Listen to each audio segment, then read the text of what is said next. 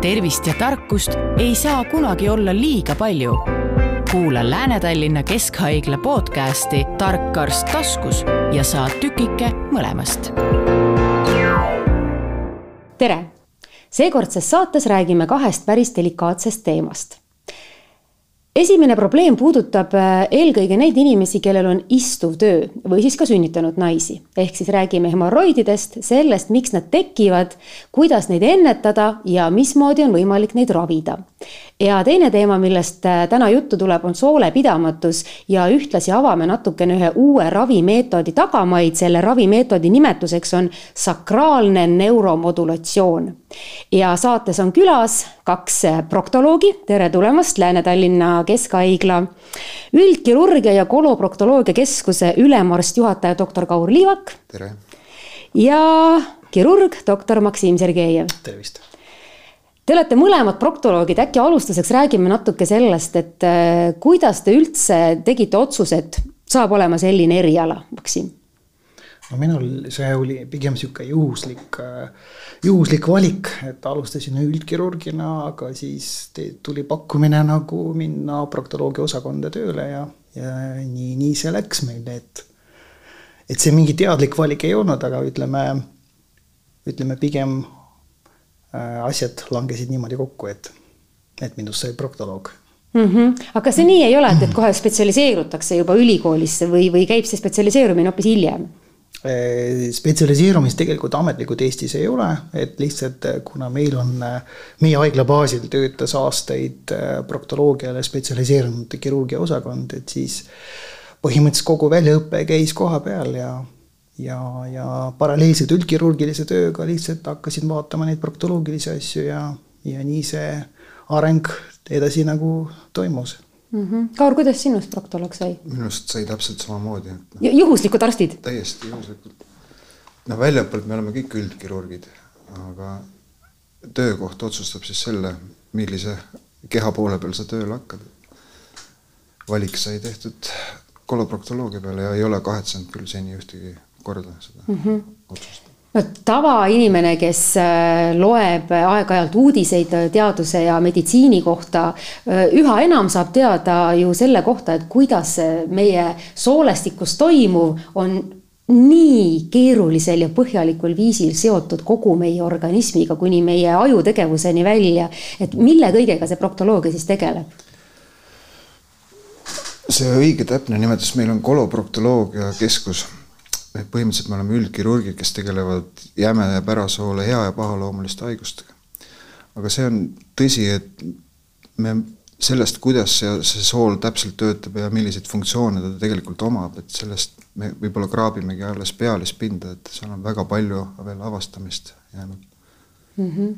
mis, äh, Maksim, sinu jaoks selle töö juures nagu kõige, no sinu kui kirurgi jaoks kõige põnevam on? ma arvan, et see selline üsna mitmekesine eriala. nii, see hõlmab nii, ütleme, teadmisi füsioloogiast kui ka meditsiinist üldiselt ja kirurgiast ja kaasa arvatud ka onkoloogiast. nii et minu arust seal on hästi palju erinevaid väljakutseid ja, ja tegelikult tundub, et selline eh, ammendamatu sihuke teadmiste mm, mm, kuidas ma ütlen, kogum, et kus saab iga päev õppida midagi juurde, nii et mm. -hmm. no täna meil on kaks teemat, et äh, räägime hemoroididest ja, ja räägime äh, soolepidamatusest ja alustame hemoroididest, et äh, mis asjad need hemoroidid üldse on? noh, ma ütleks võib-olla nii palju, et hemoroidid, noh, on olemas kaks, kaks, kaks mõistet, eks ole, hemoroidid ja hemoroida, ütleme, hemoroidaalne haigus kui selline. Mhm, mis tähendab seda, et kui sul on niisama hemoroidid, sellest ja. pole suurt midagi. ütleme noh, tavapäraselt me ei kutsu, ütleme haiguslikke hemoroide hemoroidideks, me ütleme hemoroidikude. ütleme, mis on meil ka olemas füsioloogiliselt ja mis on meil ka vajalik selleks, et oleks soolefunktsioon, ütleme pidamine kontrolli all. ja, ja siis, kui see kude muutub ütleme, kasvab suuremaks või muutub selliseks mahukamaks, et siis tekivad juba haiguslikud ilmingud ja siis me juba nimetame seda hemoroidideks või siis hemoroidaalseks haiguseks. no üldteada arusaam on, et see eelkõige puudutab istuva eluviisiga inimesi ja, ja meie töökohad on sellised, et inimesed istuvad ju üha enam. ehk siis, kas sellel väljendil, et see on istuva inimese haigus, on nagu tõe põhjal? No ma arvan, see on osaliselt kindlasti, aga see on liiga selline, oleks liiga lihtne seletus sellele, ütleme, istuv eluviis on üks riskifaktor, aga aga ütleme, seal on ka palju erinevaid muid äh, riskifaktoreid, kaasa arvatud geneetilised põhjused. nii et pigem ma ütleks, see on hea, heaoluühiskonna haigus, kuhu kuulub ka ütleme, istuv eluviis ja selline vähe, vähene liikumine riskifaktor. kui me räägime hemoroidi kohest, siis meil on kahte tüüpi hemoroide, on sisemised ja välimised see istuva eluviisiga seotud äh, etioloogia on rohkem seotud äh, välishemoroidi probleemidega, sisemisel hemoroidil on hoopis keerulisemad protsessid, mida tegelikult me ei teagi täpselt, miks nad elu jooksul lähevad patoloogiliseks, miks nad suurenevad ja miks nad hakkavad tekitama sümptomeid. Neid teooriaid on päris palju ja praegu vist on, ütleme, see libiseva anaalkanali teooria on hetkel kõige selline söödavam nendest teooriatest, et see tundub kõige nagu mõistlikum lahendus, et aga see ei ole selline üks, üks ainult faktor, vaid seal on mitu erinevat asja, mis mõjutavad mm. -hmm. Kõigepealt võtame lahti selle, et hemoroidid, et see tähendab nagu veenilaiendid või veenilaiendite komud või, või, või kuidas see täpselt? see tegelikult ei ole ka päris õige. nii, mis siis õige on? õige on see, et ta on selline lihtsalt üks selline kavernoosne kude, seal on veenid ka olemas, seal on olemas arter, veenid ja sidekude, millest koosneb hemoroid. et mm -hmm. kui inimestel tekib probleeme hemoroididega, siis noh, nad tunnetavad seda sellise veeni laiendamisega, mis on võib-olla ka välisel vaatlusel on nagu kõige rohkem nagu näha. aga see kude ise on hästi palju komplekssem kui ainult üks veen. ja, ja no üldarusaam on selline, et kui sul on hemoroidid, et siis sul on nagu paha olla ja sul on halb istuda ja sa ei leia seda õiget asendit ja mis need hemoroidide tunnused on üldse no osalised võivad olla ka sellised jah, lokaalse ebamugavusega seotud sümptomid, aga noh, üldiselt kui me räägime näiteks valust, ütleme seal lahkliha piirkonnas, sest reeglina valu ei ole üldse tüüpiline sümptom hemoroidide jaoks ütleme, valu on rohkem seotud teiste proktoloogiliste probleemidega, et hemoroidid tekitavad küll ebamugavust, kihelust, vahest raskustunnet, aga sellist teravamat valu nad üldjuhul ei tekita. välja arvatud juhul, kui on tegemist näiteks ägeda mingi situatsiooniga, näiteks välimise hemoroidi tromboosiga, mis on ka ütleme, üsna sage sihuke probleem aga kui inimesel on hemoroidid ja muidu ei ole valu, aga aeg-ajalt on tugev valu, kas see siis tähendab, et ongi see asi, millest te parasjagu rääkisite? Mm, võib ka nii olla, aga võivad olla ka lihtsalt muud kaasuvad proktoloogilised probleemid, et sellepärast on oluline kindlasti käia arsti juures, et teha läbivaatuse ära, et diagnoosti ikkagi täpsustada mm. -hmm. millised ja. need hemoroidide tunnused on üldiselt nii sisemiste kui välimiste puhul? sisemise hemoroidiga ikkagi kõige sagedasem, millega pöördutakse, on veritsused et väljaheite peal on verd, paberi peal on verd, ebamugavustunne, kihelus, midagi vajub välja, mingi moodustis on tekkinud välisele, sellised on kõige sagedasemad kaebused, millega pöördutakse. aga välimiste puhul? valu ja mingi moodustis välisel, välist, välimistega tullakse tavaliselt ikkagi noh, vähem ja harvem, see on rohkem selline erakorraline situatsioon, kui nad muutuvad sümptomaatiliseks, siis on ikka päris valus ja siis tasubki tegelikult minna EMO-sse, et kui see on tromboos, siis on noh, tal üsna lihtne lahendus teine aga kuidas aru saab inimene, et on tromboos või ta lihtsalt peab mingisuguse võõra valu puhul minema tingimata nagu siis arsti juurde? või kui tugev see valu peab ta, olema, et oleks põhjust no, minna arsti väga, juurde? väga tugev, võib-olla see sõltub, kui suur see tromb on. teinekord mõni kannatlikum inimene kannatab see kuu aega ka ära, kuni see tromb resorbeerub. teine tuleb kiirabiga, et seal on erinevaid üldiselt, kui tekib mingi moodustis, mida varem pole olnud ja mis tekib suhteliselt kiiresti, lühikese aja jooksul, see on peaaegu kindel tromboosi tunnus, kuigi noh, seal muidugi võivad olla muud probleemid, aga, aga kõige sagedamini jah. et selline moodustis, mis on kiiresti tekkinud, mis on valulik ja noh, kui inimene suudab kuidagi seda äh, täpsemalt vaadata kasvõi peeglisse, et ta on reeglina sellise lillaka sihuke värv, värviga ja ja, ja hästi hell puudutamisel, nii et et see mm, -hmm. need on siuksed tromboosi tunnused reeglina mm. -hmm. aga kui valu on seespool?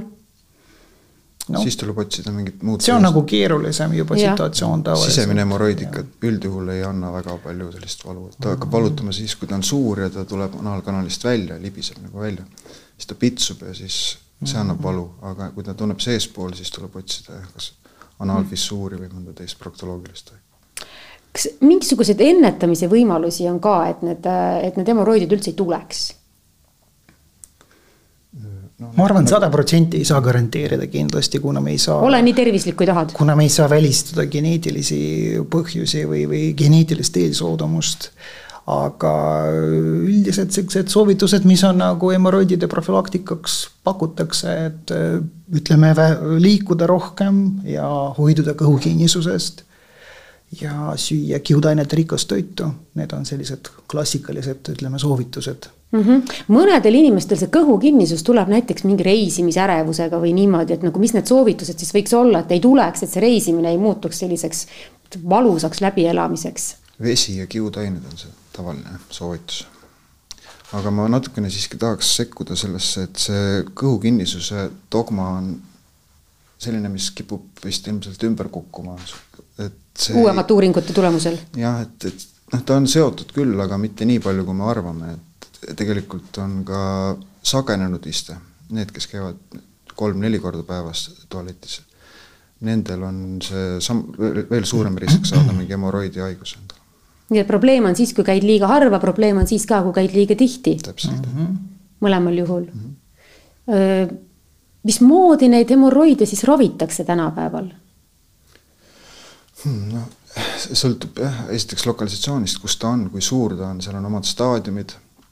Erinevatel staadiumitel on natuke omad ravid ka, enamus hemoroide ei vaja mingit ravi, kui me räägime väiksest veritsusest, mis oli seal paar-kolm päeva, läks mööda, elu on näidanud, et mida vähem neid torkida, siis seda lõpuks paremad on tulemused, aga kui see veritsus on selline püsiv, siis noh, ma ütlen, et kõik algab tavaliselt perearsti visiidist, kus proovitakse mingi toopiliste ravimitega, salvid, küünlad, kui see ei aita, siis juba tuleb kirurgi juurde tulla, proktoloogi vastuvõtule, et meie kõige sagedasem meetod on ligeerimine. kummi, kummirõngad pannakse peale. mis nad siis kärbuvad ära või? Nad kärbuvad ära, aa, see ei tundu väga hirmus ei ole, ei olegi tegelikult. üsna lihtne, sihuke kättesaadav ja kiire meetod ja suhteliselt väikse valuga, mida saab ambulatoorselt teha. Ja noh, see on, ütleme, üks võimalus lihtsalt, kuidas neid hemoroide ütleme, seda pimmiskudet hävitada, mis sinna jääb anaalkanalisse, ka rõngaste asemel võib kasutada ka sklerosanti, võib kasutada ka igasugust laseriga koagulatsiooni ja nii edasi, et. et kuidas me seda hemoroidi mõjutame, mis meetodiga, mis füüsikalise meetodiga, see ei ole nagu nii tähtis, oluline et see kärbub ära mm. -hmm. rõngas on lihtsalt nagu osutus kõige kättesaadavamaks ja kõige lihtsamaks ja odavaks meetodiks, nii et sellepärast me seda viimasel ajal väga palju kasutame. kuidas teile üldse tundub, et kas äh, Eesti inimestel on palju hemoroidi muresid ja kas see nagu on ajas muutunud kuidagi? ma arvan, et ei ole vist, ilmselt ma olen kümme aastat töötanud, ei ole eriti palju muutunud. ja ma ei usu ka, et Eesti inimesel oleks nüüd rohkem kui Läti inimesel hemoroididega probleeme või et ta pigem on läänemaailmas enam-vähem üks läänemaailmas on enam-vähem üks. aga äkki nad lihtsalt ei tule arsti juurde? eestlane ei tule kergelt arsti juurde, aga kui veritseb, siis õnneks on ikkagi ajakirjanduse mõjul ka tegelikult on ikkagi sellele pööratakse noh, jämesoole vähi kartuses märksa rohkem tähelepanu kui siin viis-kuus-seitse aastat tagasi, mis on väga hea märk mis tähendab seda, et inimene, kes kardab jämesoole vähki, saab tõenäoliselt tal seda vähki pole, aga ta saab ka hemoroididest lahti. Või vähemalt mingi seletuse sellele, miks tal veritses mis on ka positiivne minu arust see, et ikkagi inimesed aina rohkem nagu teavad, et on olemas selline eriala selles mõttes, et nad ikkagi. et proktoloogid on olemas. just, et nad ikkagi teavad seda eriala nime ja nad ikkagi üritavad sattuda proktoloogi konsultatsioonile, kui tekib mingi probleem pärasoole piirkonnaga, nii et. et see, ütleme, inimeste teadlikkus selle eriala, ütleme olemasolust on kindlasti kasvanud, ma arvan. kuidas proktoloogi juurde üldse saab, et kas see käib läbi perearsti? nojah, kõige lihtsam on läbi perearsti e, e-konsultatsioonid on hetkel selline kuum teema, see oleks võib-olla kus teie e-konsulteerite inimesi või see on, on mingisugune ükskõik mis keskkond? ükskõik mis keskuses võib teha mm -hmm. e-konsultatsiooni üldkirurgile, proktoloogia erialal mm -hmm. no ma usun, et see päris palju, ütlen kuidagi avab seda teadlikkust äh, sellest, sellest valdkonnast, et kui inimene on natukene häbelik sellel teemal, et siis kuidagi nagu veebis kirjutamine on äh, võib-olla paljude jaoks nagu lihtsam.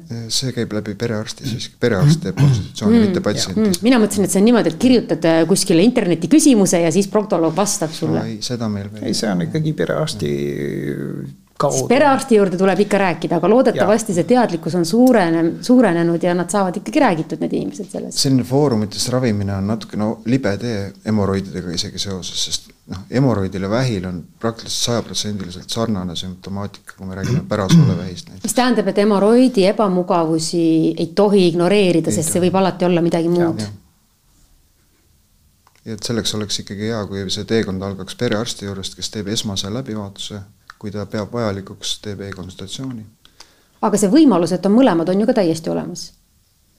no see on peaaegu et kindel jah, kui on vähk, siis nagu Maksim rääkis ka, et hemoroidid on ju kõikidel inimestel teatud määral olemas, et mida vanemaks inimene saab, ilmselt seda suurem siiski elu jooksul see kude on ma arvan, et see e-konsultatsioon sobiks võib-olla rohkem selliste juba korduvate probleemide puhul või siis, kui on inimesel pikka aega kestnud mingid sümptomid, eks ole, mis ei ole otseselt tekkinud eile.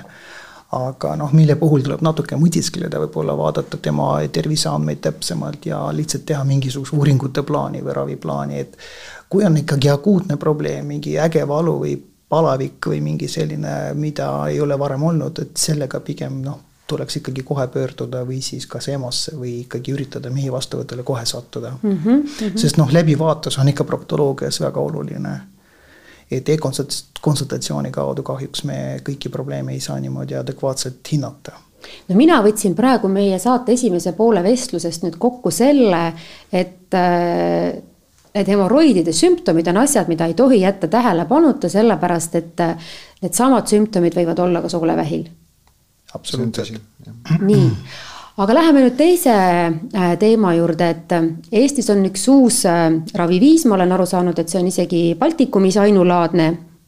Ja see on sakraalne neuromodulatsioon, et millise haiguse puhul seda siis rakendatakse? praegu Eest-, Eestis me rakendame seda enamasti soolepidamatuse puhul, aga seal väiksed, väiksema nii-öelda nagu spetsiifilisusega näidustused on ka vaagnavalu ja kõhukinnisuse korral. see on nüüd jah, päris uus, ütleme kahe tuhande kahekümne kolmanda aasta esimesest jaanuarist on see Haigekassa poolt tervishoiuteenuste nimekirja lisatud. varem ei saanudki abi selle puhul? noh, sai ikka abi, aga mitte selle meetodiga. et aga see on päris efektiivne, just eriti soolepidamatuse puhul missugused on üldse need soolepidamatuse sümptomid või tunnused, et kuidas inimene aru saab, et nüüd mul see, nüüd, nüüd mul see haigus on käes? Need sümptomid on kõige noh, kõige lihtsamalt öeldes kajastuvad siis, kui sul puudub kontroll oma soole tegevuse üle. tahtmatult väljub gaase, vedel väljaheide, tahke väljaheide. inimese elukvaliteet on noh, päris suurel määral häiritud mm. -hmm. no laste puhul enamasti see on siis, kui nad veel ei, ei, ei oska enda soolt kontrollida ja see läheb üle ja nad saavad sellega hakkama. kas täiskasvanud inimeste puhul, kui neil on probleem, et äh, siis tegelikult ilma abita see ära ei kao või mm,? raske, raske küsimus, ta või mingis, mingis mõttes võib kasu, kaduda küll, aga pigem ma ütleks, et ei kao äh, Pigem väga, väga, väga harvatel juhtudel, äh, kui on tegemist näiteks profuusse kõhulahtisusega, et see on selline lühiajaline probleem, kui kõhulahtisus läheb mööda, sooletegevus taastub, kontroll taastub, noh. aga kui on näiteks sünnitusjärgne rebend, lahkliharebend, siis läheb pigem aastatega hullemaks see seis pigem võib-olla see, et inimene õpib nagu kontrollima oma soolt paremini ja, ja võib-olla lihtsalt, et see. läbi selle see, ravimeetodi? ei, et ma mõtlen, et, et võib nagu pikamööda paremaks ka minna, kui inimene suudab natukene noh, välja mõelda igasuguseid nagu nippe, kuidas ta seda sooletegevust kontrollib päeva jooksul et kas pingutab eh, nagu rohkem või siis kasutab mingit kaitse, pesukaitset ja nii edasi, et, et noh, subjektiivselt võib-olla tal pikkamööda see ei ole niivõrd häiriv, aga ikkagi, kui hakata uurima ja küsitlema, et eh, siis tuleb ikkagi välja, et see pidamatus on ikka täitsa aktuaalne ja ta on nagu igapäevane nähtus. kui levinud see soolepidamatus üldse inimeste hulgas on? Hemoroidide kohta me juba kuulsime, et need on peaaegu igal inimesel, et pole siin häbeneda midagi, et kui sa istud kontoris ikkagi ruumitäie inimestega koos, siis noh, te jagate ühte muret. no see hemoroidaalne kude on tõesti, see on sada protsenti kõigil inimestel. iseasi, kui palju teil ta probleeme tekitab. aga probleeme ei ole õnneks nii paljudel inimestel, soolapidamatusega sõltub ka grupist, keda me vaatame. vanusegrupist kindlasti ka? Äh, vanusegrupist ka mingil määral, naised on siiski rohkem ohustatud kui mehed tänu sünnitusele, aga seal vanuses kuskil üle kuuekümne viie on enam-vähem pooleks. nii et mm -hmm. ajapikku vananedes lihas läheb lihtsalt nõrgemaks. jah, seal tulevad juba teised põhjused lihtsalt esile, kui noorematel naistel on peamiseks põhjuseks sfinktri vigastused, mis on sünnitusega seotud, siis vanematel inimestel tulevad degeneratiivsed probleemid, et äh, Äh, lihtsalt äh, sidekoe nõrkus pluss äh, krooniline kõhukinnisus ja selle tagajärjel näiteks venib lihas lihtsalt välja. et pluss kaasuvad haigused, mis võivad soodustada ka pidamatuse sümptomeid, näiteks diabeet ja mm -hmm, need, need mm -hmm, asjad mm.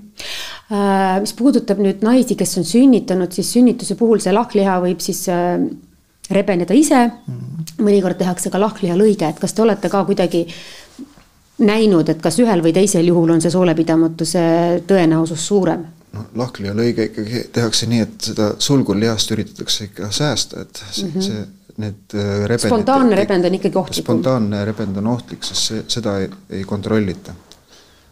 gümnakoloog kontrollib ikka seda mm -hmm. perineumi lõiget just, aga rääkige nüüd natuke sellest uuest ravimeetodist, et äh, kui ta on nüüd äh, efektiivne ja tulemuslik, siis ilmselgelt on päris palju inimesi, kes mõtlevad, et äkki see on mulle, et mida see ravimeetod endast kujutab jah, see uus on natuke suhteline mõiste, et see ravimeetod on olemas tegelikult. meie jaoks uus. meie jah? jaoks on ta uus jah, et tegelikult on ta kaheksakümnendate lõpust juba käis, uriinipidamatuse korral võeti ta kasutusele. ja siis kuskil üheksakümnendate keskel noh, pooljuhuslikult leiti osadel haigetel, kellel olid mõlemad pidamatused, nii uriini kui soolepidamatus, et ka see soolepitamatuse osa läks paremaks.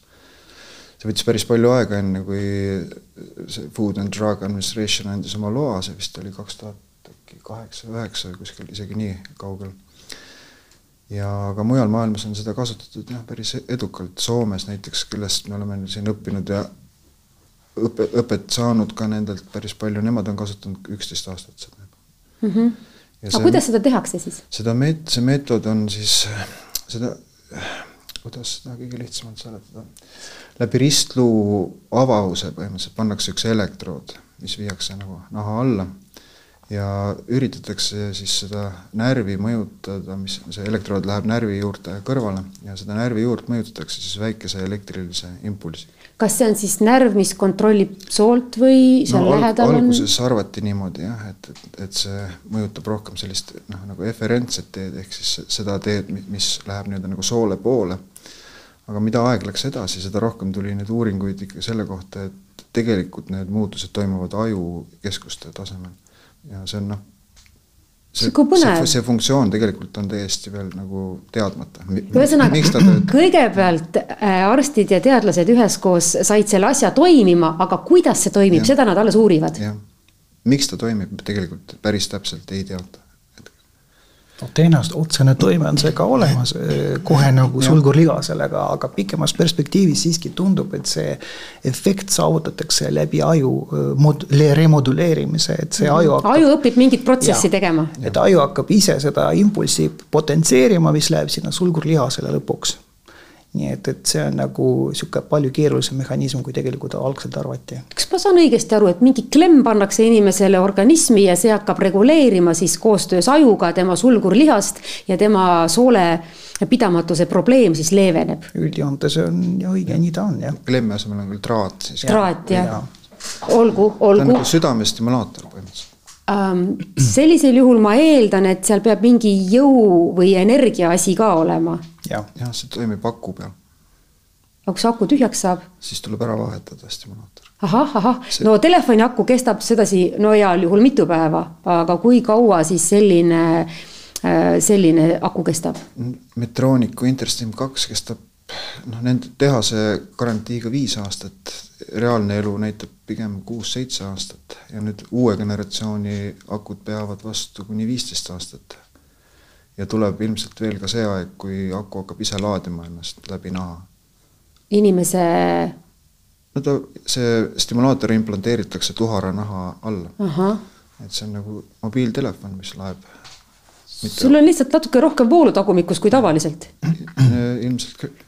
Nii, missugused patsiendid, kes nüüd kuulavad näiteks seda saadet, oletame, et neil on see soolepidamatuse probleem, millised need nende tunnused või, või see probleemi ulatus peaks olema, et nad vastaksid selle uue ravimeetodi kriteeriumitele, et te üldse nad jutule võtaksite?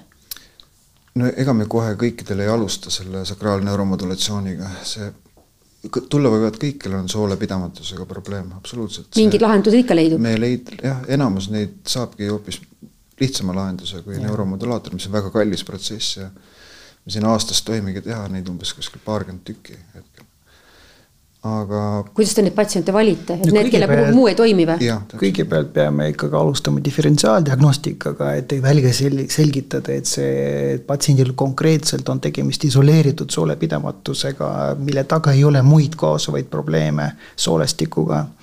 sest tihti me näeme, et see võib esineda ka näiteks ärritunud soolesündroomi puhul, kus võib olla ka pidamatus üks selle sündroomi komponent, nii et, et on tähtis diferentsiaaldiagnostika kõigepealt, lisauuringud, seedetrakti uuringud, kui pole varem midagi tehtud ei ole nii et ja alles siis me võime teha järeldust, et inimesel on ehtne soolepidamatus, siis me teeme kindlaks, kui tõsine see on ja kindlasti alustame konservatiivse raviga kõigepealt. Mhm. kas see konservatiivne ravi tähendab siis, ma ei tea, harjutusi ja tablette või?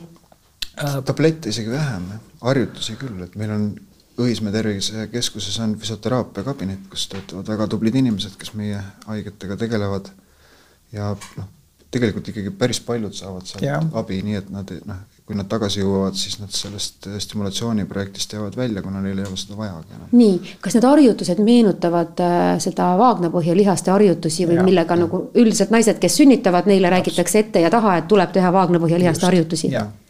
lihtsalt meestel tuleb ka seda teha, tegema õppida? absoluutselt jah, see on üks osa sellest protsessist, aga on ka aparaatfüsioteraapia nagu tagasiside mehhanismiga, see on biofeedback'iks nimetatakse sellist ühte meetodit, kus noh, inimene õpib oma lihast efektiivsemalt kasutama uuesti.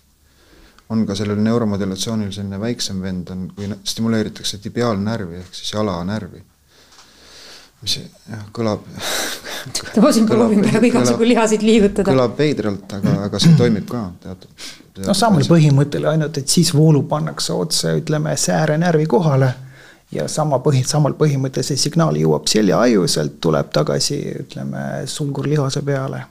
Teil on ikka põnev valdkond, säärenärvile pannakse mingisugune stimulaator ja, ja sulgurlihas hakkab paremini tööle. jah jah, ja mitte ainult sulgurlihas, seal on tegelikult, et noh, miks see, selle protsessi varasem nimi oli sakraalnärvi stimulatsioon, siis kui me arvasime, noh, teadlased arvasid, et nad stimuleerivadki konkreetselt seda närvi juurt.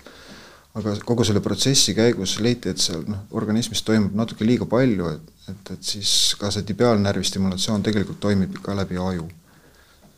et kõhukinnisus vähenes, kellel vähenes kõhulahtisus mm, -hmm. vaagnavalud kadusid ära, selliseid noh, imelisi asju juhtus selle protsessi käigus väga põnev. Te olete kindlasti hoidnud silma peal ka, et mida see valdkond veel tulevikus lubab, et ütleme, kellel on.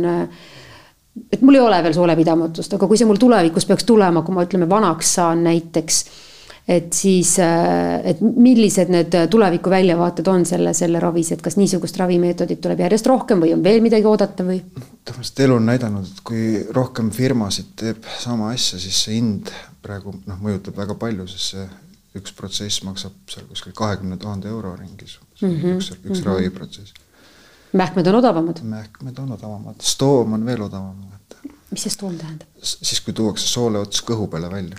aa, see on see kõige ebamugavam viis? no jah no mõnikord on see ka see on kõige radikaalsem selline ravimeetod, et lihtsalt lülitatakse sool välja selles mõttes seedimise protsessist või ütleme, väljutamise protsessist. et, et sellepärast ei olegi leket, kuna see soole sisu sinna alla ei jõua lihtsalt. aga noh, seda rakendatakse reeglina väga raske sulguri kahjustuse puhul. kus mm -hmm. ei ole võimalik ei kirurgiliselt aidata ega, ega see stimulatsioon poleks ka efektiivne mm. -hmm. et see stimulatsiooniprotsess on nagu kaheetapiline, et esimene on selline ajutine stimulaator, tuuakse nii-öelda nagu naha peale välja üks sihuke lisa juhe ja, ja lülitatakse kolmeks-neljaks nädalaks selline pisikene väike ajutine asi. katsetatakse, kas sellel inimesel toimib, jah? sellel asi toimib või mitte, et kui noh, kokkuleppeline piir on umbes viiskümmend protsenti, peab minema elukvaliteet paremaks või siis inkontinentsi episoodide arv näiteks, pidamatuse episoodide arv. et siis on näidustatud püsistimulaatori paigaldamine.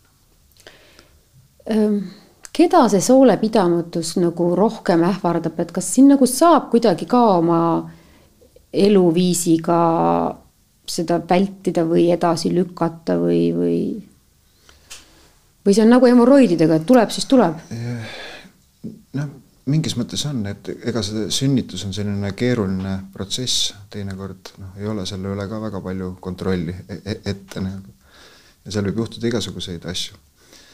et noh, seda ei saa vältida.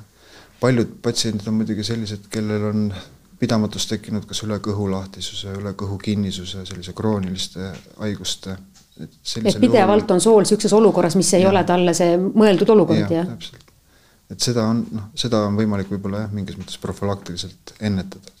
no kui hemoroidide puhul öeldakse, et noh, sa võid äh, tervislike eluviisidega mingil määral nagu välistada, et nad sul nagu niipea tulevad, eks ole, siis äh, äh soolepidamatuse puhul, kui sul on kõhukinnisus, siis ja, või kõhulahtisus, seda on natuke võimalik eluviisi ja toitumisega reguleerida, eks ole, aga mitte ka liiga palju vist see on väga, väga nii-öelda nagu lai, lai mõiste on see kõhukinnisuse lahtisus, et teinekord on võimalik seda teha. teinekord on võimalik näiteks noh, proovida mõni toiduainegrupp ära jätta näiteks oma menüüst, väga efektiivselt toimib. aga noh, põletikulise soolehaiguse puhul näiteks või lühikese soolesündroomi puhul, noh, seda ei ole võimalik. no ütleme, mis puudutab äh, kõrges vanuses patsiente, ma arvan, et siin me eriti aidata profülaktiliselt kuidagi ei saa, ütleme, mida vanem inimene on. siin tuleb tagajärgedega tegeleda. seda suurema tõenäosusega tal mingil määral seda, see soolepidamatus tekib ta ilmselt ei pruugi olla tõsine, võib-olla see on niisugune suhteliselt hästi talutav või seda saab ilusti kontrollida mingi pesukaitsmega, aga ikkagi noh, päris niimoodi ennetada seda vist ei saa, et inimkond vananeb ja, ja, ja. ja tänapäeva inimesed elavad nii kaua, et igasugu probleeme, mida vanasti võib-olla need ei jõudnudki lihtsalt tekkida, need, need tänapäeval jõuavad tekkida. tundub küll jah, ja. ja eriti need degeneratiivsed sulgurlihase funktsiooni häired, mis ei ole otseselt mingi traumaga seotud vaid lihtsalt äh, seoses sellega, et organism jääb no, tavaliselt lihtsalt see sidekude jääb nõrgaks, lihas venib välja või siis toimub see signaali ülekanne, ülekandehäire sulgurlihasele seoses seljaprobleemidega ja nii edasi, seal on põhjusi erinevaid ja palju. Nii äh, hemoroidid kui soolepidamatus, need on mõlemad sellised noh, delikaatsed, intiimsed, nagu piinlikud teemad ja inimesed väga ei taha rääkida ma ei tea, võib-olla isegi oma tuttavatel on sellest keeruline rääkida, oma pereliikmetele. et äh, mis teie arvate, et nagu mida võiks teha, et see valehäbi kuidagi nagu vähemaks muutuks? kui, kui asjadest rääkida, siis, siis see muutub ka, et ega noh, paljud perearstid tunnistavad, et ega osad patsiendid ei lase näiteks ennast läbi vaadata üldse. soolepidamatus on tõesti selline delikaatne teema, mille noh, perearst arstile isegi ei mainita sellist asja, et tullakse kuidagi mingi teistsuguse probleemiga hoopis proktoloogi juurde, kus nagu noh, läbivaatuse või, või see tuleb või, kuidagi kõrvalt tuleb, vaikselt tuleb välja, jah? jah, et see on nii delikaatne teema, et sellest isegi spetsialistiga ei taheta rääkida. et aga noh, see on delikaatne ka olnud sellepärast, et äh, varasemalt on olnud see abi natukene võib-olla nõrk. Et paljud, paljud elavadki juba aasta, võib-olla aastakümneid teadmisega, et seal ei olegi võimalik midagi teha, aga tegelikult on palju võimalik teha ja mida aeg edasi, seda järjest rohkem, eks ole. no praegu tundub, et me liigume õiges suunas mm. -hmm. kuidas, Maksim, sulle tundub, et mida, mida võiks teha, et see, et inimesed julgeksid rohkem rääkida? mina arvan, et noortega ei ole kindlasti sellist probleemi, noored inimesed julgevad rääkida ausalt ja, ja nad on palju avatumad selles. Nad, nad ei ole sellised vaiksed kannatajad ja,, jah? absoluutselt ja. ja nad loevad rohkem ilmselt ka ja nendel on rohkem teadmisi selles valdkonnas, aga ma arvan, et üks võimalus, et lihtsalt küsitleda noh, riskigrupi patsiente äh, sihipäraselt, kasvõi anda mingid äh, ankeedid täitmiseks ja nii edasi, et, et sealt tuleb välja need, tulevad välja need probleemid tihtilugu. et mingisugust ankeeti täites on võib-olla ka inimesel lihtsam neid linnukesi tõmmata, kui, kui tulla otse oma. seda me kasutame oma praktikas ka tihti, sest reeglina noh, esiteks vastuvõtud on ülerahvastatud ja aega on vähe ja me üritame niimoodi mööda minnes küsitleda ka pidamatuse osas ja tihti tulebki välja, et inimesel ongi lisasümptom veel, et millest ta ei julgenud või lihtsalt ei, ei arvanud, et see on mainimist väärt. aga, aga nii, nii see tuleb mm -hmm. välja lõpuks ja selle Veksneri küsimustik on selle, see, selle täitmine võtab ja, viis minutit võib-olla vähem isegi, et, et aga sealt tuleb välja palju jah, andmeid. ja suur tänu Lääne-Tallinna Keskhaigla kirurgidele, doktor Kaur Liivak ja doktor Maksim Sergejev seda teemat avamast.